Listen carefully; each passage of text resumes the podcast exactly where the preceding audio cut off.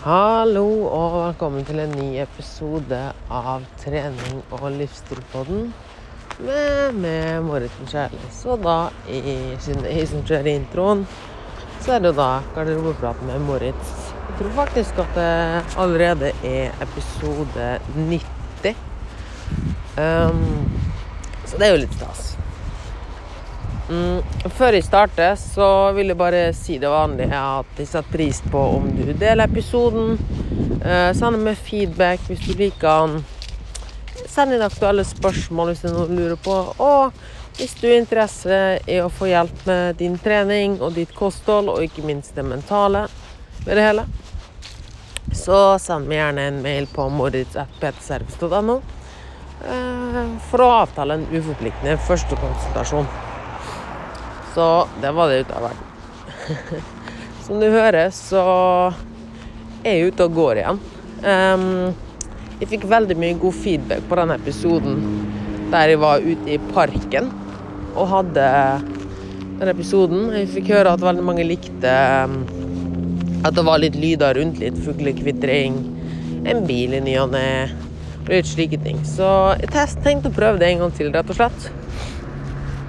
Det jeg tenkte å snakke om i dagens episode, er litt med at jeg er jo veldig glad i prinsippet KISS. Keep it simple, stupid.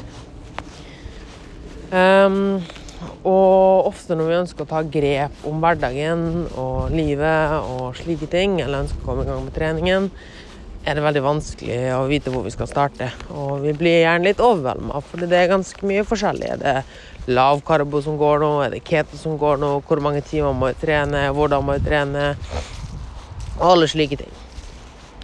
Så det jeg tenkte å gjøre i dag, er Jeg vil gi det tre retningslinjer. OK, fire. Fire. Fire ting du kan starte med fra i morgen Uten at du må telle kalorier, uten at du må kjøpe noe kosttilskudd, uten at du må gjøre et fancy program eller noe som helst. Og jeg kan nesten garantere deg at hvis du gjør disse fire tingene, så vil du nesten garantert få mer energi, være mindre sulten, og mest sannsynligvis også gå ned litt i vekt, hvis det er målet. Uh, I hvert fall vil du få det bedre med deg sjøl og få mer energi og føle det bedre. Og det er disse her fire tingene. Det første det kaller jeg tre fat og en snack. Det vil si at i løpet av en dag så får du lov å spise tre fat og en snack. Hvorfor kaller jeg det fat? Hva er et fat, og hva har det med saken å si? Jo, en fat kan du tenke på, et fat kan du tenke på litt som en porsjon. Men i stedet for å si porsjon, så sier de fat, for det skal bare være et fat. Fordi du skal bare forsyne deg en gang til et måltid.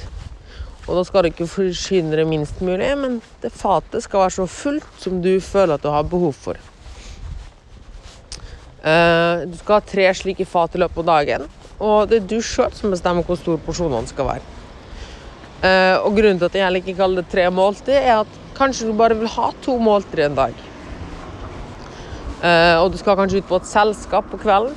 Og så dropper du frokosten, altså det ene fatet, og har heller to fat på selskap på kvelden. Enkelt og greit. Men åssen bør et sånt fat se ut? Jo, det er her andre retningslinjer kommer inn. Og det er at et fat bør følge tallerkenmodellen. Der halvparten av fatet består av frukt og grønt. En fjerdedel av fatet består av en god og mager proteinkilde.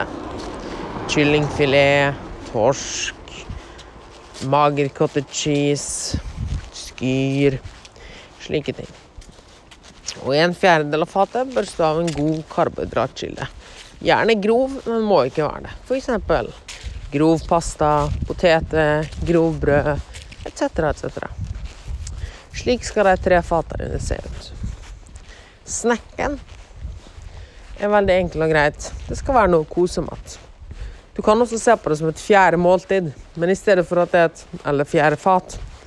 Men der du på de andre måltidene tenker at Dette her er mat som skal gi kroppen min energi. Gjøre meg god og mett. Og ha masse næringsstoff. Så skal du på det fatet, nei, fjerde fatet, eller da snekken, tenke dette her spiser jeg utelukkende fordi det er godt. Altså Hovedfokuset her er at det smaker godt, og at det er noe jeg har lyst på.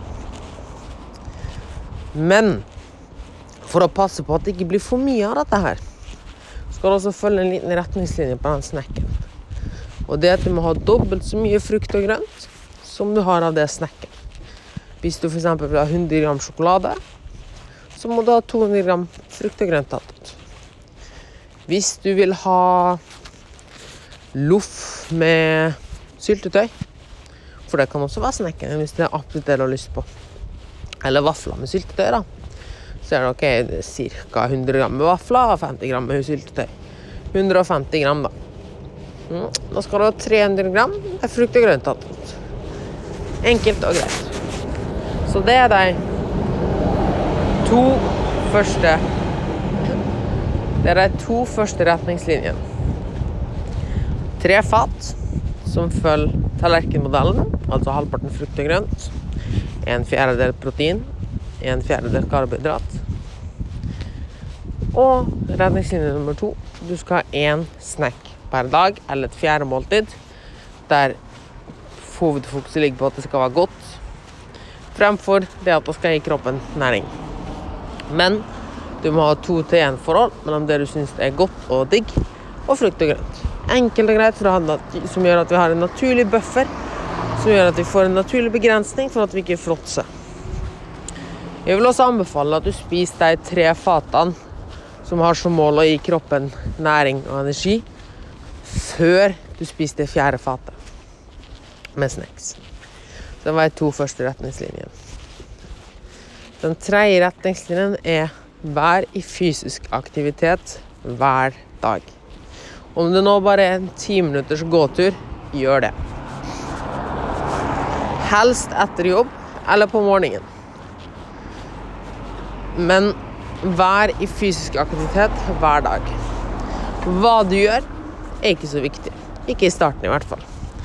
Men vær i minst fysisk eh, aktivitet min, Vær i fysisk aktivitet minst ti minutter per dag.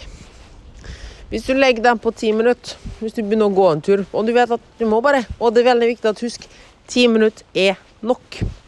For det reduserer terskelen veldig.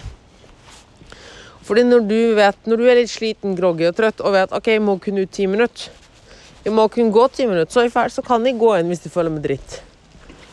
Så er terskelen for å gjøre det mye lavere enn hvis du tenker ok, jeg må ut og gå en halvtime. Men det kan hende at når du har gått i ti minutter, når du føler deg dritt, så føler du deg ikke så dritt lenger. Og plutselig så går du et stykke lenger. Så det er viktig at du legger dørstokken lavt nok, sånn at du orker, og så blir du som regel positivt overraska. Og noen dager blir det kanskje bare ti minutter, men ti minutter er fortsatt mye bedre enn ingenting. Og det som ofte skjer, er at vi er ofte veldig veldig sliten etter en lang dag på arbeid, eh, jobb og slike ting, og mye som skjer. Det har vært mange inntrykk, og ja, vi er sliten, men vi er mentalt sliten. Vi har skilt ut, Spesielt hvis vi har stressa mye, så har vi skilt ut mye kortisol, et stresshormon som fører til at nervesystemet vårt går i det såkalte sympatiske eh, sympatiske nervesystemet over, tar overhånd, da. Som skiller ut kortisol, adrenalin. Dette kalles også fight and flight mode. Altså kjemp og stikke av. Så vi er veldig stressa, vi er trigga. Men stresset vi har opplevd, er jo mentalt, så vi skiller ut alle disse stoffene som egentlig sier at du må bevege deg, du må løpe. Men vi gir ikke utløp for dette her. Så når du da kommer hjem og er sliten og stressa og bare slenger deg på sofaen, så gir du egentlig ikke utløp til kortisolet og adrenalinet. Så du får egentlig ikke slappe av ordentlig. Og du har kanskje lagt merke til at du er veldig trøtt og sliten noen ganger, og kanskje legger på sofaen og klarer å sovne, men du er liksom du sover veldig urolig, eller du, du, er, du, har en indre uro, da. Selv om du er sliten, så du klarer ikke å slappe av. Selv om du slapper av, så du har egentlig kasta bort den tida. Og grunnen er rett og slett at du er full med kortisol og adrenalin som du ikke har gitt utløp til. ofte, da. Så selv om du føler deg veldig sliten, så kan det faktisk lønne seg å gå en liten tur. For å få utløp, eller ta en treningsøkt for å få utløp for dette kortisolet og adrenalinet. For da vil du etterpå, når du slapper av La oss si at du har én time å slappe av på, da. Sånn til sammen. Og så bruker du den første halvtimen på å trene, og så slapper du av den andre halvtimen i stedet for å slappe av hele timen. Så er det ganske sannsynligvis at du vil slappe av bedre den halvtimen enn på hele den timen. Og du har fått en treningsøkt. Og da vil du mest sannsynligvis også fortsette med dagen med mer energi. Så det var punkt nummer tre. Punkt nummer fire Det er enkelt og greit. Det høres nesten litt for eh, Hva skal jeg si? Det høres litt for lett ut, eller litt sånn teit ut, men skriv ned. Eh, skriv. Det vil si at hvis du noensinne føler et sterkt behov for å fråtse, eller en indre uro, eller noe som helst. Eh, fordi det vil ikke alltid Det er utopisk å tenke at du alltid kan følge den perfekte retningslinja, perfekte. Men hvis du har et sinnssykt craving på et eller annet, eller føler deg lei deg, eller noe som helst, ta fram penn og papir og skriv ned. Um, det er egentlig ikke retningslinje nummer fire. Det er bare et sånt tips ved siden av. Eh, som går litt inn i disse andre kostholdstipsa, da. Men det siste og fjerde tipset, det er todagersregelen. Det vil si at ja, det vil alltid komme dager der du ikke kan følge disse retningslinjene. At du ikke får vært i fysisk aktivitet, at du ikke følger trefat-modellen. At du plutselig fråtser, og den fjerde den fjerde snekken eller den fjerde måltidet. At det blir alt altfor mye i forhold til hva du ønsker. Det går fint. Livet skjer. Men her kommer todagersregelen inn. Og det at du skal aldri la det gå mer enn to dager på rad. Du skal aldri la det gå to dager på rad der du ikke følger retningslinjene og rutinene dine.